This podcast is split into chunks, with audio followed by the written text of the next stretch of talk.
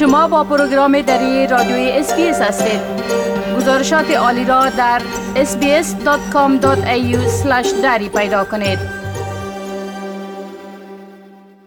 با وجود گمان ها در مورد احتمال افزایش نرخ سود بسیار پیشتر از آنچه قبلا پیش بینی می شد و در نتیجه مواجه شدن قرضداران با بازپرداخت بلندتر قرضه های املاک و خانه ها آمار نشر شده نشان می دهد که بلند رفتن قیمت خانه ها و منازل رهایشی در ماه فبروری ادامه یافت. ولی ارقامی که از جانب نهاد تحقیقات املاک کور لاجیک نشر شده نشان می دهند که در ماه فبروری مقدار افزایش نظر به ماهای گذشته کمتر بود. چنانچه در این ماه در سراسر استرالیا به صورت حد اوسط قیمت املاک 0.6 فیصد بلند رفت در حالی که مقدار افزایش در ماه جنوری یک هشاری یک فیصد بود. طبق این ارقام شرایط برای بازار املاک در سه ماه گذشته تا فبروری در شهرهای برزبون و ادلید نسبت به شهرهای دیگر مساعدتر بود.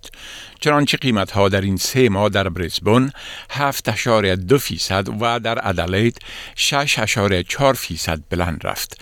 اما ارزش خانه ها در عین همین مدت در سیدنی 0.85 فیصد و در ملبورن 0.2 فیصد بلند رفت.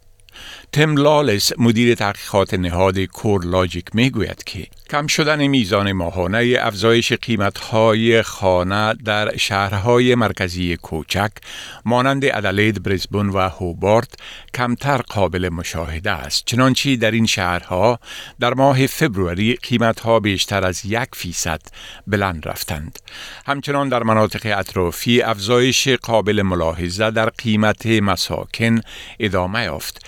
چنانچه در سه ماه تا پایان فبروری در پنج منطقه از جمله شش منطقه اطرافی و روستایی استرالیا قیمت ها 5 هفت فیصد بلند رفتند در حالی که افزایش در شهرهای مرکزی کشور در عین همین مدت طور مجموعی یک هشت فیصد بود. اما این سوال پرسیده می شود که در میلان بازار املاک در سال 2022 با در نظر داشت افزایش احتمالا قریب الوقوع نرخ سود چی واقع خواهد شد؟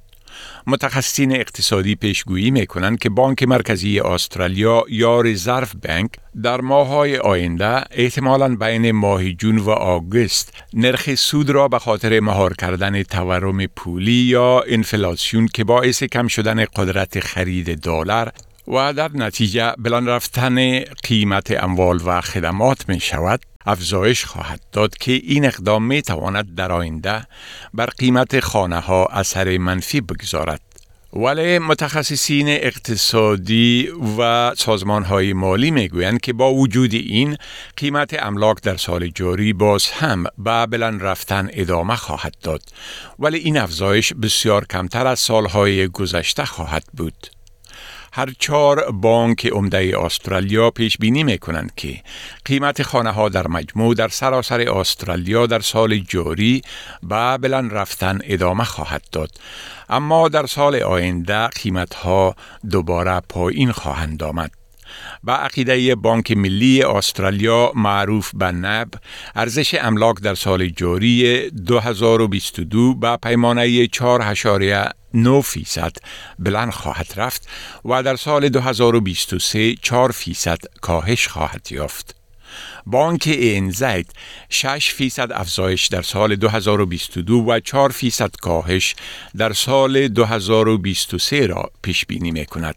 کامنولت بانک به این عقیده است که سال 2022 شاهد 7 فیصد افزایش و سال 2023 شاهد 10 فیصد کاهش در قیمت خانه ها خواهد بود. و بالاخره بانک وستپک پیش بینی می کند که افزایش در ارزش املاک در سال 2022 در کشور 7 فیصد و کاهش در سال 2023 5 فیصد خواهد بود.